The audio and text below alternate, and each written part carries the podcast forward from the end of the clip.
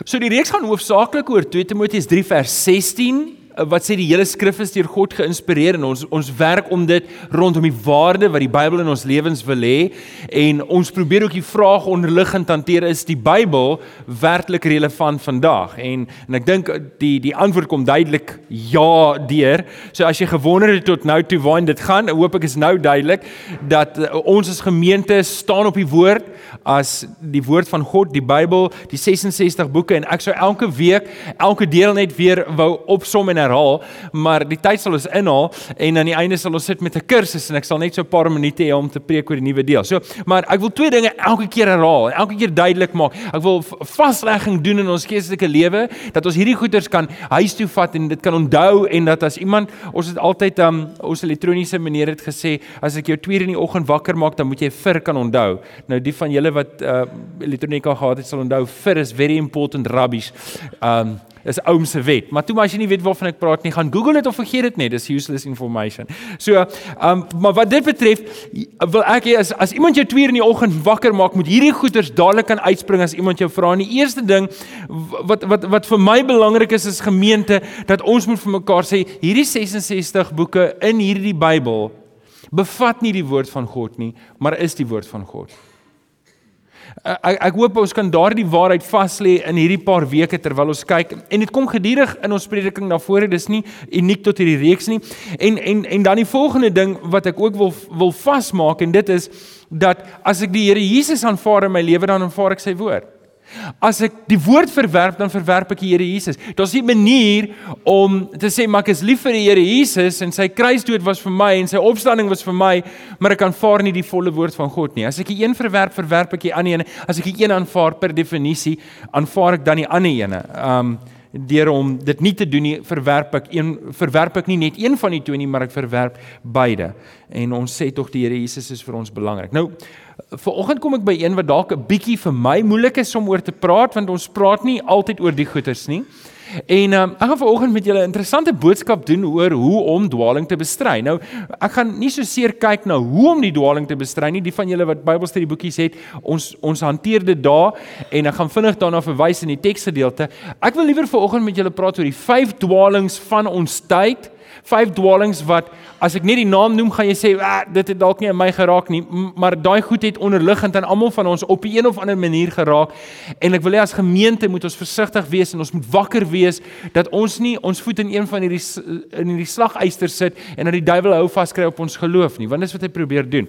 Maar kom ons lees hier saam in 1 Timoteus 4 en ek lees in die 83 vertaling 1 Timoteus 4 en ons gaan 'n paar verse lees vanaf vers 6 Uh ek dink tot vers 16 staan ook op die raamwerk. So jy kan my volg daar in die 83 vertaling. As jy en Paulus skryf vir Timoteus, as jy hierdie dinge aan die broers voorhou, sal jy 'n goeie dienaar van Christus Jesus wees, wat jouself voed met die woorde van geloof en die goeie leer waarin waarvan jy 'n aanhanger geword het. Maar van onheilige en sinlose verdigsels moet jy wegbly. Oefen jou liewer om in toewyding aan God te lewe om jou liggaam te oefen het wel 'n bietjie waarde, maar om in toewyding aan God te lewe het in alle opsigte groot waarde want dit bevat die belofte van lewe vir nou en vir die toekoms. Dit is 'n betroubare woord en kan sonder voorbehou aanvaar word. Met hierdie vooruitsig span ons ons kragte in en stry ons want ons het ons hoop op die lewende God gefestig wat die verlos wat ons wat die verlosser is van alle mense vir almal wat glo. Hierdie dinge Timoteus, moet jy die mense leer en beveel. Niemand mag op jou neersien omdat jy jonk is nie, maar wees jy vir die gelowiges 'n voorbeeld in woord en gedrag en liefde, geloof en reinheid. Totdat ek kom, dit was sy plan om weer vir Timoteus te gaan kuier, moet jy jou daarop toelê om uit die skrif voor te lees, te preek en onderrig te gee. Moenie die genadegawe wat jy wat jy het verwaarloos nie. Dit sal aan jou, dit is aan jou gegee deur die profeseë toe die raad van ouderlinge jou die hande opgelê het vers 15. Lê jou op hierdie dinge, lê jou op hierdie dinge toe. Leef daarin sodat almal jou vordering kan sien. En dan vers 16, let goed op jou lewe en leer. Volhard daarin, want deur dit te doen sal jy jouself red sowel as die wat na jou luister. Nou, voordat ek na die raamwerk gaan kyk, wil ek jou vra om oop te blaai na daai notas gedeelte en ek wil jou vra om 'n paar notas te maak, net vir as jy dalk nie die boekie gaan lees of nie tyd gaan kry nie, wil ek jou kom ons sou sê die um script notes. Wie van julle weet wat script notes? Julle is nie veronderstel om te weet wat script notes is nie. Um wil ek julle die kripnotes gee van hoe hoe hoe myself bestand te maak teen moontlike dwaalings. Hoe om myself bestand te maak, hoe om myself te posisioneer in my verhouding met die Here om seker te maak ek trap nie in een van hierdie slagysters wat Satan vir my opgestel het nie. En ek wil hê jy moet weet, die Bybel leer dat die duiwel loop rond soos 'n op soek om iemand te ver skeer. En jy moet verstaan, hy praat die, die wanneer Petrus ons waarsku, dan waarsku hy vir jou. Sê vir die ou langs en hy praat nou met jou. Okay? So die duiwel loop rond, hy wil jou verskeer en hierdie is 'n paar maniere hoe hy dit wil regkry en dit's nie op jou raamwerk voor nie, so ek wil jou vra om dit net in te skryf. Wanneer ons vers 6 lees, kry ons die eerste ding wat belangrik is, vers 6c is op my notas. En um, en wat Paulus vir Timoteus sê, hy sê vir hom hou aan om jouself te voed met die woorde van geloof. So hier is die eerste belangrike ding wat ek moet doen is ek moet aanhou, ek moet volhard om myself met die woorde van geloof te voed. As ek dit nie doen nie, is ek nie net 'n arm gelowige nie, maar kan ek nie onderskei tref tussen wat die waarheid en nie die waarheid is nie. En dit vat ons na die tweede ding wat ek moet doen, so ek moet eerstens myself voed met die woorde van geloof. Die tweede ding wat ek moet doen is ek moet 'n aanhanger bly van die waarheid. Ek moet ek moet 'n aanhanger ek moet myself kan oorgee aan die waarheid en wat ons nou met 'n vorige week vir mekaar gesê het, die woord is die waarheid. Julle onthou het dit vir mekaar gesê. So ek moet 'n aanhanger word van hierdie woord. Sien ouens wat dit belangrik is vir my is ek loop nie rond en soek wat's fout met alles om my nie. Ek word 'n aanhanger van die waarheid en as ek 'n aanhanger is van die waarheid, dan is dit nie nodig om die hele tyd te wonder is iets verkeerd of reg nie. Ek kry die onderskeid. As ek 'n aanhanger is van die waarheid, enigiets wat nie die waarheid is nie, staan uit. Soos 'n koppie in die Vrystaat. Nou ek hoor die wat in die Vrystaat al was. So uh, ek word 'n aanhanger van die waarheid. Ek is nie 'n ou wat die hele tyd gaan opsoek wat is die nuutste dwaalinge, wat is die nuutste dit. Nee nee nee. Ek wil my verdiep in die waarheid. En dit bring ons dan by die volgende ding wat ek moet doen om myself bestand te maak, is bly weg van sinlose verdigsels. En ons baie mense en ons sal nou daaroor praat wat allerlei stories opdis wat wat 'n vers hier vat, 'n vers hier vat, 'n vers hier vat en dan bou hulle dit rondom en maak 'n teologie en eintlik al wat hulle doen is hulle rokkel jou af, hulle trek jou aandag van die Here Jesus af af. So bly weg van hierdie sinlose verdigsels. Dan die volgende ene wat jy moet doen om jouself bestand te maak is oefen jou om in toewyding aan die Here te leef. sien, dit gaan nie net oor inligting wat ek inkry nie. Ek word nie net 'n aanhanger van die waarheid nie, maar ek werk ook in 'n verhouding met die Here. Ek wil in toewyding aan aan aan God lewe. Ek wil 'n dieper verhouding met hom ontwikkel. Gaan nie oor kennis nie, dit gaan oor 'n verhouding. En um, dit bring ons dan by die laaste ene is let goed op jou leer en lewe. Jou leer en jou lewe moet ooreenstem. Hoe jy lewe en wat ek leer in die skrif moet ooreenstem ooreenstem. En dit sien ek ongelukkig baie keer mense is lief vir die waarheid, hulle hou vir die waarheid, maar hulle lewe reflekteer nie dat hulle 'n aanhanger is van hierdie waarheid nie. So som net 'n paar basiese wenke hoe om myself bestand te maak teen moontlike dwaalings. Nou, miskien moet ek op hierdie punt net sê dat hoekom ek 'n boodskap soos hierdie preek is omdat Paulus sê die skrif het groot waarde om in waarheid te onderrig en dan sê die vers verder dwaling te be stry. So een van die komponente van gemeente wees en van leier wees is is om mense te help om hulle toe te rus om dwaling te bestry. So dis 'n aktiewe ding. Ek en jy moet aktief deel wees om te kyk wat is die waarheid en wat is vals en dan 'n keuse te maak vir die waarheid en daarteenoor te stry. Filippense 4 vers ag um 1 Timoteus 4 vers 6 4 vers 2 sê as jy nog daar's in jou Bybel sê dit ook mooi. Dit sê hierdie dwaallede, daar's 'n skyn heilige leenaars wie se gewete geskroei is. En dan gaan hy verder aan hoekom jy hulle jy, jy, jy moet die mense verbied om na hierdie mense te luister. Jy moet hulle verbied om in hierdie goed jy moet hulle stil maak. So met ander woorde, ons as gemeente het 'n verantwoordelikheid om seker te maak ons stap die regte pad. En dis waar hierdie boodskap gaan. As jy iewers 'n nota wil maak, ek weet nie of Kolossense 2 vers 8 op jou notas staan nie, maar voeg dit by as dit nie doen nie. Um en ek wil 'n definisie gee van wat 'n dwaal 'n dwaling moontlik mag wees. Paulus skryf vir die gemeente in Kolosse en hy en en ons op daar's in die boekie hanteer ons ook die vyf verskillende dwaallerings in hulle tyd. Ons gaan nou kyk na ons tyd, maar in die boekie hanteer ek in hulle tyd en hy sê een van die goed wat hy aanspreek, pas op dat niemand julle van hom af, dis van die Here Jesus af wegvoer deur teorieë en argumente wat misleidend is nie. Dit is dinge wat berus op die oorlewing oorleweringe van mense op wettiese godsdienstreëls en nie op Christus nie. En ek wil ek wil hê julle moet hoor, hy begin deur om te sê hierdie mense wil julle weglei van hom af. Hierdie oorleweringe berus op wat mense sê en nie op Christus nie. So hier net hier het ons 'n samevatting van wat belangrik is. En dwaallering is goed wat ons aandag van die Here Jesus wil aftrek. Dis goed wat ons aandag van die kruisdood en die opstanding van die Here Jesus wil wegtrek. Hierdie goeters is die goeters wat wil hê ons moet dink, maar weet Jesus is Jesus is die manier om by die, is 'n stepping stone, 'n stoorwoorde of wat ook al, maar moenie so vashou aan die Here Jesus as sulks nie. Hier's ander goeders wat bykom. Ons het altyd gepraat in in ons in ons klasse, het ons gesê dit is Jesus plus. So weet jy wat is okay, jy kan aan Jesus vashou, maar dan moet nog goed bykom vir jou om gered te word. En dan moet jy weet jy's op gevaarlike grond. En ek wil die vyf dwaalings van ons tyd met jou bespreek. Die vyf dwaalings van ons tyd wat ons moet versigtig wees voor, wat in ons almal van ons ken mense wat hierin vasgevang is en meeste van ons is op 'n manier minder of 'n meerdere mate reeds beïnvloed deur dit en ek hoop dat die Here vir my in hierdie volgende paar minute 'n oop deur met jou kan gee en dat ek en jy uitgedaag kan wees om terug te keer na die skrif toe sou dit nodig wees as ons weggedwaal het. OK, so nommer 1.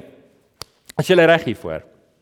Die eerste groot uitdaging van ons tyd, die dwaling van ons tyd is die kom ons noem hom nou die prosperity leer. Die die voorspoedsteologie die voorspoeds evangelie wat hulle noem. En en en dit gaan iets daaroor dat elke Christen kan enige iets van God kry as hy net daarvoor vra, mits twee goed in plek is. Mits hy A, well actually 3, mits hy A geloof het. Hy moet sterk geloof hê. Mits hy B nie um nie nie ernstige sonde in sy lewe het nie en mits hy C genoeg geld gee vir die kerk. Ek wens dit was waar. Dink jy nie en ek kan verstaan hoekom ry daai predikante al die fancy karre, weet want want hulle leer die mense hierdie goeders en dis dis uh, dis gemors. Dis dis dis dit lei mense weg van hierdie Jesus af. So so waarop dit neerkom, God is hierdie groot ATM masjien wat jy kan gaan vra vir goed en en en die ou wat die kragtigste bid gaan die meeste kry. En weet jy wat's interessant nogal van baie van hierdie voorspoedsteoloë? Dis 'n Dis baie arme mense wat hulle volg. Baie arme mense volg hulle want hulle hoop hulle kan uit hulle armoede uitkom. En dan is daar ook 'n klomp ryk mense wat hulle volg want hulle gooi weer die predikant toe onder die geld. En en ek en ek wil hê jy moet versigtig wees vir dit. Want jy kan nou in die strik trap deur om te dink maar ek is siek soos ek nou vanoggend is. So nou is daar een van drie goed fout by my in my lewe. Of ek het nie genoeg geloof nie. Klink ek 'n bietjie siekerig vir julle? Ek hou van hierdie stem. Voel vir my so rusky. okay. Ek wens ek kon hierdie stem hou sonder om sleg te voel. Okay, so of my geloof is nie sterk nie, of daar's sonde in my lewe, of ek gee nie genoeg geld vir die kerk nie. Nou, dis net vir jou om te besluit watter een dit is, okay. Maar julle, dis nie waar nie.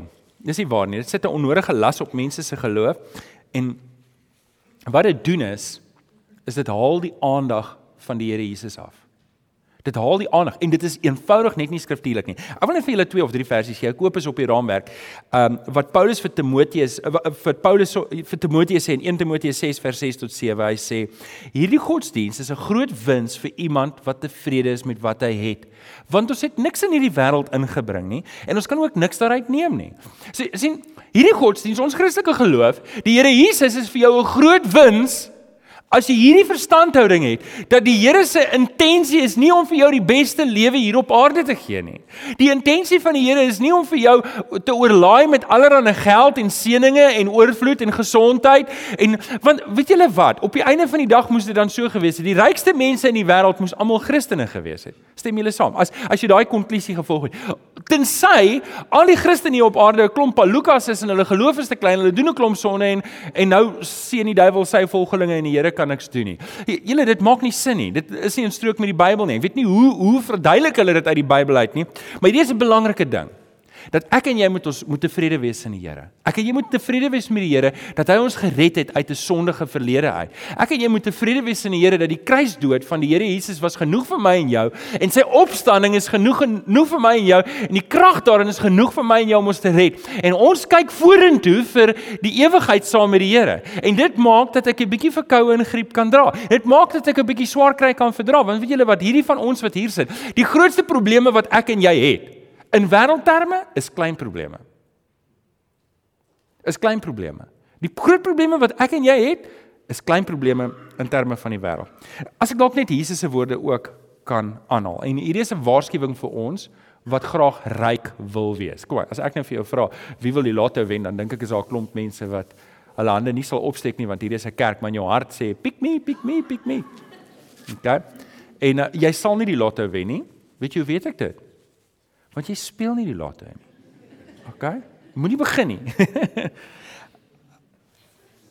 maar mense wat ryk wil wees, kom in die versoeking. Hulle aandag gaan in elk geval van die Here Jesus af is. En dis wat Jesus ook vir sy disippels sê, Matteus 19 vers 23 tot 24. Dit verseker ek julle, 'n ryk mens sal moeiliker in die koninkryk van die hemel kom. Ek stel dit nog sterker, dis makliker vir 'n kameel om deur die oog van 'n naald te kom as vir 'n ryke om in die koninkryk van God te kom. Hoekom? Hoekom sal die Here Jesus dit sê? Want sy aandag is op sy rykdom. Dink aan die ryk jongman. Die ryk jongman sê, "Here, ek wil U volg."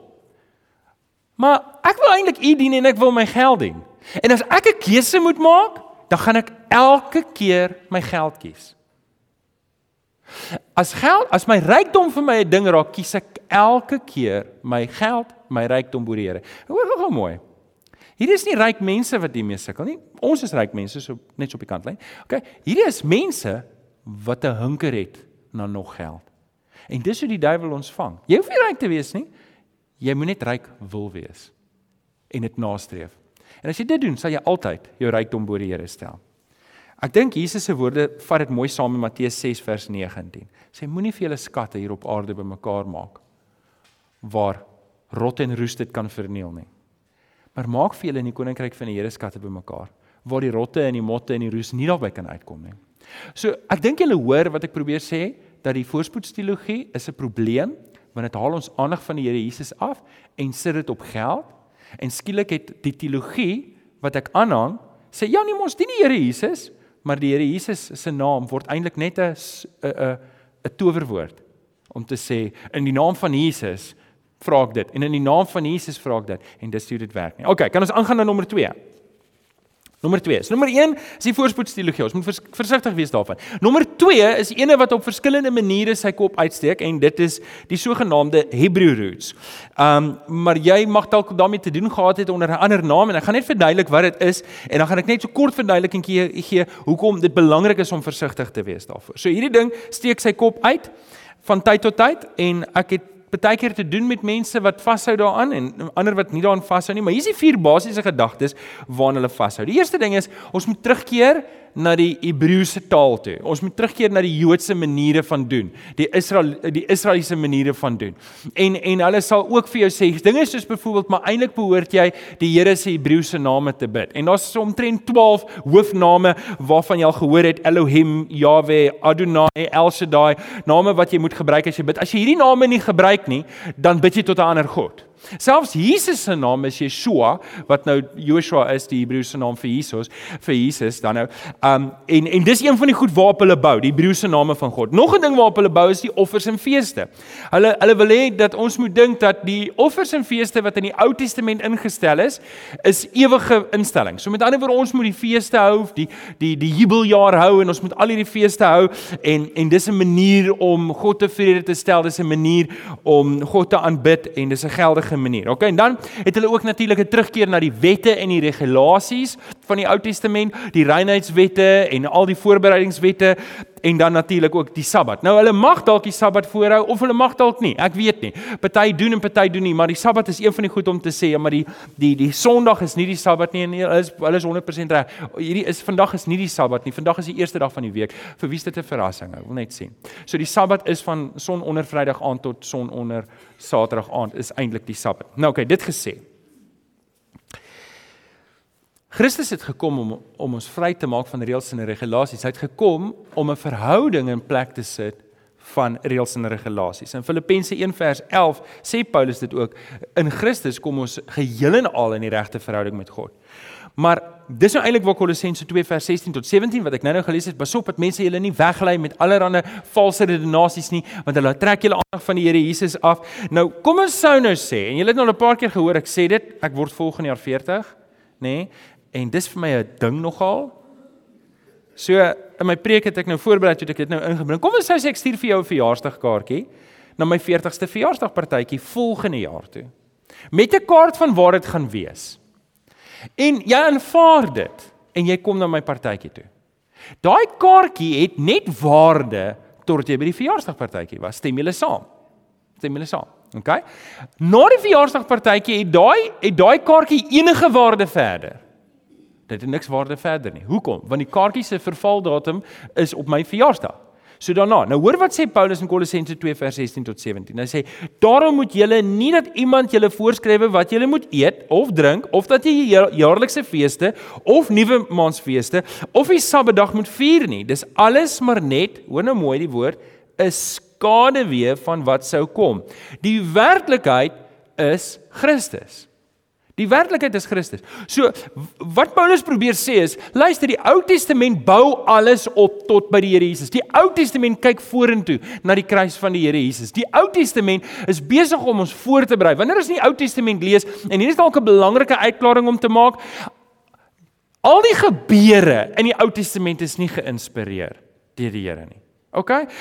Dawid wat met Batsheba 'n buiteegtelike verhouding gehad het en dan Batsheba se man doodmaak, die Here het dit nie geïnspireer dat dit moet gebeur nie. Die Here het net geïnspireer dat dit neergeskryf moet word dat ons waardevolle lesse uit kan leer. So ons moenie sê o, maar Dawid en Batsheba in die Bybel sê ek moet Dawid se voorbeeld volg nie.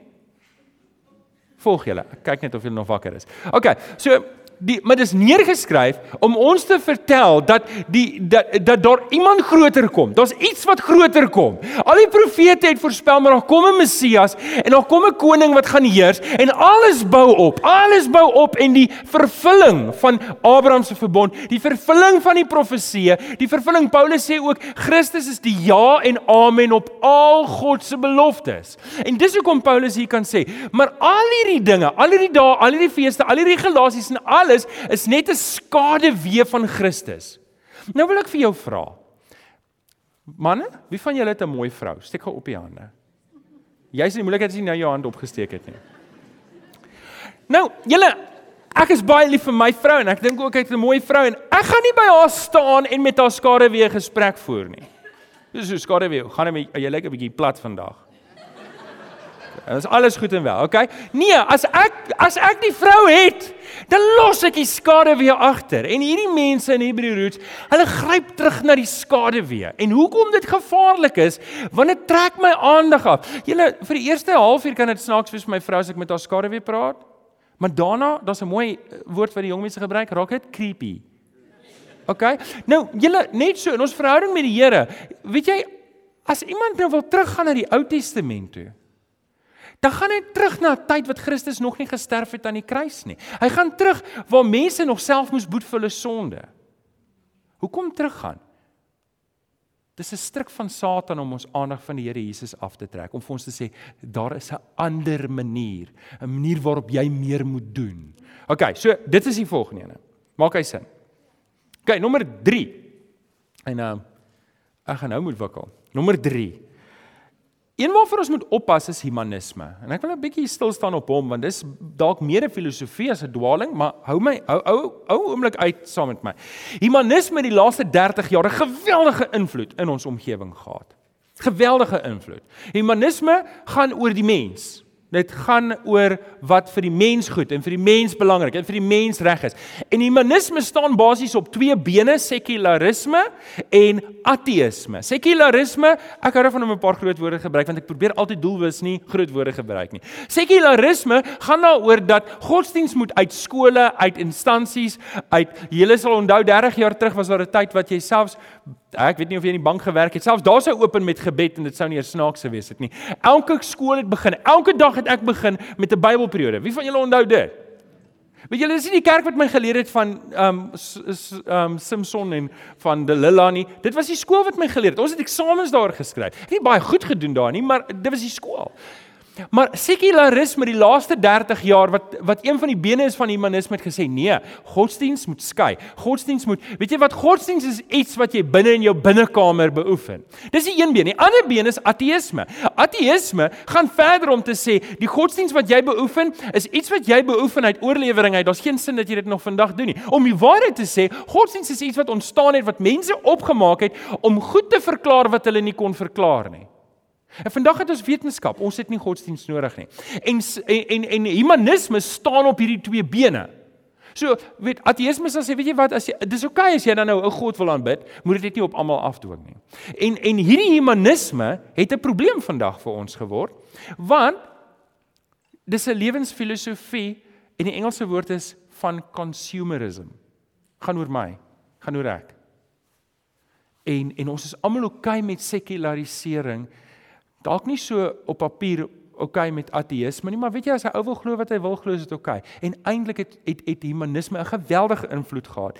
En ek wil ons herinner om teen dit op te staan. Matteus 6 vers 33 sê: "Beywer julle allereers vir die koninkryk van God en vir sy wil, dan sal julle ook al hierdie ander dinge kry." Weet jy, daar's 'n mooi versie wat Paulus sê in 1 Korintiërs 10 vers 31 wat sê of julle eet of julle drink, doen alles tot eer van God. Met ander woorde, my eerste vraag in my lewe is nie wat is belangrik vir die mens nie my eerste belang is om God se agenda vir my lewe te bevorder. En julle ongelukkig het humanisme uitgespoel om hierdie manier van as ek sien my broer sondig en ons het hieroor gepraat, kan ek hom nie aanspreek nie, want dit is sy saak. As ek sien my broer is besig om sy huwelik op te mors, kan ek dit nie aanspreek nie want dit is sy saak. As ek sien my broer is besig om om om om van die pad af te gaan, mag ek niks sê nie. En hoekom? Want humanisme sê, weet jy wat? Daai ou kan sy eie besluite neem. En dis nie hoe ons die vroeë kerk gesien het nie. Dis nie wat God van ons verwag nie.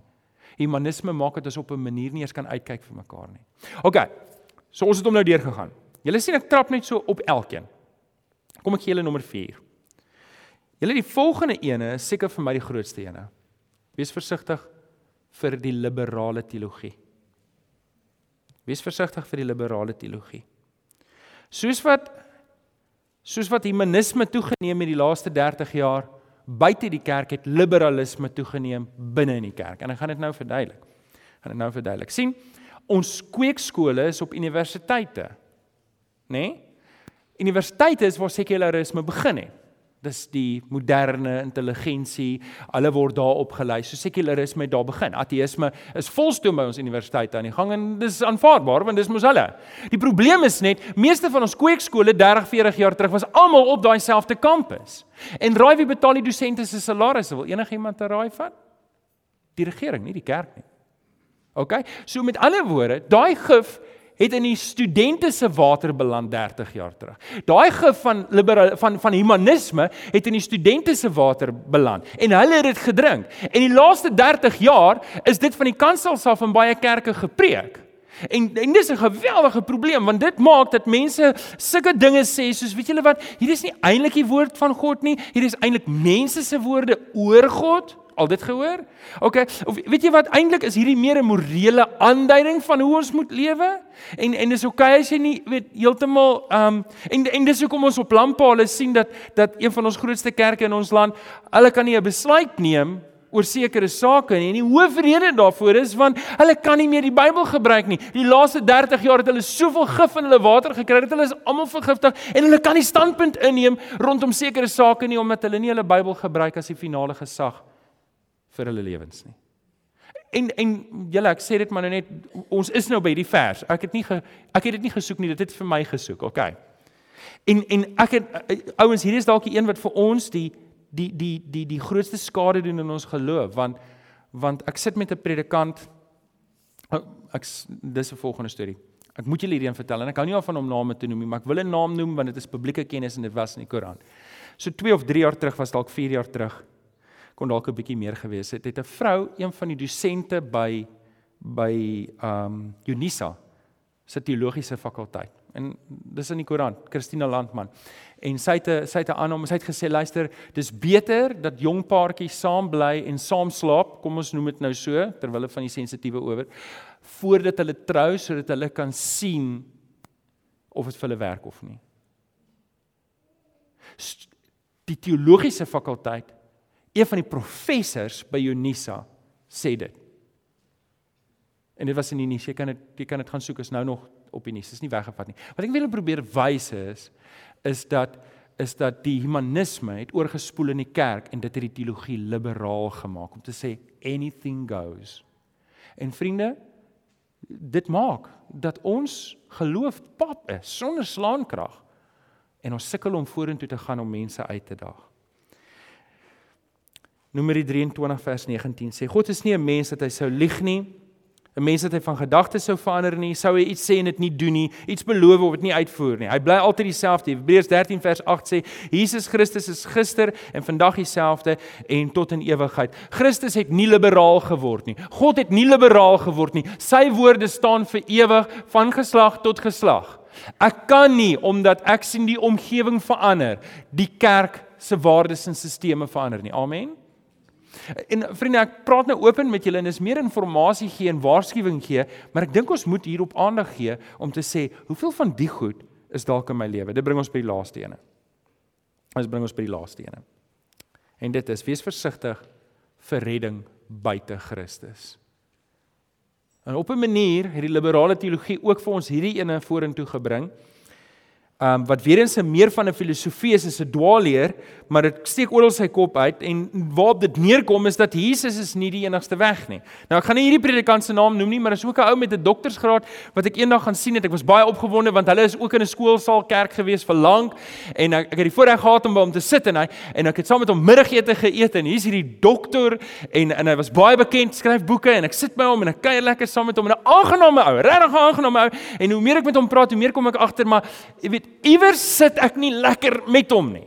Maar ek wil hom nou nie weet jy weet hierdie is 'n ordentlike man, hy's 'n geleerde man. Jy wil mos hom nou nie wat is die Afrikaanse woord vir offend afronteer Jy weet oor eet en ek moet nog die kos klaar eet. En daai kos kan lank swaar sluk as jy hom nou afrond. En en op 'n stadium kom hy op hierdie ding van postmodernisme en hy sê luister, die tye het aanbeweeg. Ouens soos ons wat konservatief is, gaan agterbly en gaan ophou bestaan. En ek vra vir hom nou wat bedoel hy daarmee? Hy sê nee nee, ons moet mense bedien op 'n manier dat hulle dat hulle geheel en al jy jy jy moet 'n gemeenskap bedien. Jy moet jy moet die mense in hulle wyeer konteks bedien. Ek vra hom wat bedoel jy? Bedoel jy soos in buite die kerk buite Christus? En hy sê ja, en ek sê maar wat van wat van Johannes 14 vers 6 wat sê ek is die weg, die waarheid en die lewe. Niemand kom na my toe behalwe eh, niemand kom na die Vader toe behalwe deur my nie.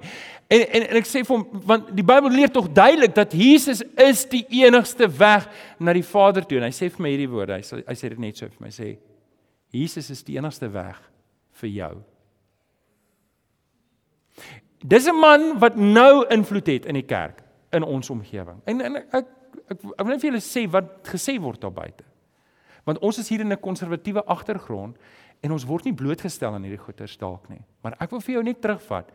Die oomblik as ek sê my Jesus is nie die enigste weg nie, maar ek hou vas aan Jesus, gaan ek ophou om die evangelie te verkondig. Ek gaan ophou. Hoekom sal ek die evangelie verkondig as Jesus nie die enigste weg is nie. Hoekom nie net iemand aanmoedig om, want dit is presies waarop dit neerkom. Hoekom nie net mense aanmoedig om net goeie en mooi morele lewens te lewe en te sê, weet jy wat? Jy glo nie in die Here nie, is fyn. Lewe net mooi, lewe net goed. Nee, jy glo nie in die Here nie. Ah, dis oké. Okay. Gaan net aan met jou lewe, maar moet dit nie opmors nie. Want die Here gaan almal red. Skielik het ek nie nodig om die evangelie te verkondig en die skrif maak dit tog so duidelik dat ons die evangelie van die Here Jesus moet verkondig. Nou, My tyd is om en ek wil graag afsluit met hierdie laaste gedagte. Vriende, al hierdie goed kom neer op een selfde gemeene faktor. En dit is ek en jy moet seker maak niemand trek ons aandag van die Here Jesus af nie. Ons moet seker maak dat die kruisdood van die Here Jesus, soos Paulus sê, ek het my onderneem om met julle oor niks anders te praat as oor die Here Jesus en hom as gekruisigde nie. Ek en jy moet die kruisdood van die Here Jesus, dit moet vir ons belangrik wees. Die evangelie moet vir ons belangrik wees. My redding moet vir my belangrik wees. Ek moet seker maak ek is vas in die Here Jesus en vas in die woord van die Here. Anderste gaan ek een van hierdie slagysters trap en dit gaan my dit gaan my dit gaan my maak dit ek nie vir die Here kan werk nie. Dit gaan maak dat ek vassteek en sê ag wel, kom ons lewe saam met die wêreld, ons doen dinge saam met die wêreld. En as gemeente mag ons nie daai rigting instap nie. Julle, hierdie was die vers wat ek vandag moes hanteer. Ek is bly ek het die voorreg gehad om dit te kon hanteer met julle. En ek hoor ek hoop julle hoor my hart. Dat as ons ons as kerk wil vas staan in 'n tyd op die woord, moet ons weet ons gaan moet vas staan op die Here Jesus. En ons gaan ons monde moet oopmaak en te praat. Ons kan nie so stil wees oor hierdie waarheid wat ons het nie. Amen. Ken offisieel hierso. Kom ons sluit die oë. Dan bid ons saam. Vader, hierdie slagysters lê so openbloot en maar tog baie keer dan sien ons nie die invloed wat dit het op ons nie. Ons sien nie die invloed wat dit het op ons geloofslewe, op ons kinders en by ons werke en by ons instansies nie. Maar Here, vanoggend wil ons kom bid dat U vir ons as gemeente sal bewaar dat ons nou geset volgens U woord sal handel. Here dat ons dat ons die kernwaarhede van ons geloof nie sal prys gee omdat omdat die omgewing en die kultuur besig is om te verander nie. Kom vra Here vir oggend dat U die kruisdood van ons Here Jesus voor ons sal hou as 'n realiteit. En Here dat ons sal verstaan hierdie evangelie wat ons verkondig dat Christus gesterf het vir ons, uit die dood uit opgestaan het en dat hy ons met U wil versoen. En dis ons boodskap dat ons dit nooit sal nalat en vergeet nie. Ons kom pleit dit by U Here en ons bid dit in Jesus naam. Amen. Kom ons staan, dan sing ons die volgende lied saam met Kenneth hulle. Voordat ons saam sing, voordat ons saam sing. Terwyl ons staan, ek wil net weer vra. Ek weet nie oom Johan, ek weet nie wie julle span is nie, maar oom Johan wil julle nie al kom voor staan en en ehm um, weet nie of Domie Chris nog hier is. Maar kom staan hier voor asseblief oom Johan. Hier's manne wat hier saam met julle wil bid. En ehm um, ek wil jou vra as jy vir oggend nodig het dat iemand net saam met jou bid. Dalk lê iets baie swaar op jou hart en jy het net iemand nodig, Petrus, dankie oom Willem. Net iemand net om jou te hoor. Al al, al voel jy maar dit niks eers met die boodskap te doen nie. Is okay. Hierdie hierdie manne wil vir oggend saam met jou bid. Net 'n oomblik saam met jou tyd spandeer. Nou wil jy vra as jy vir oggend 'n behoefte het, moenie uitgaan as jy nie saam met hulle kom bid het nie. Kom ons sing saam. Dankie Kenny.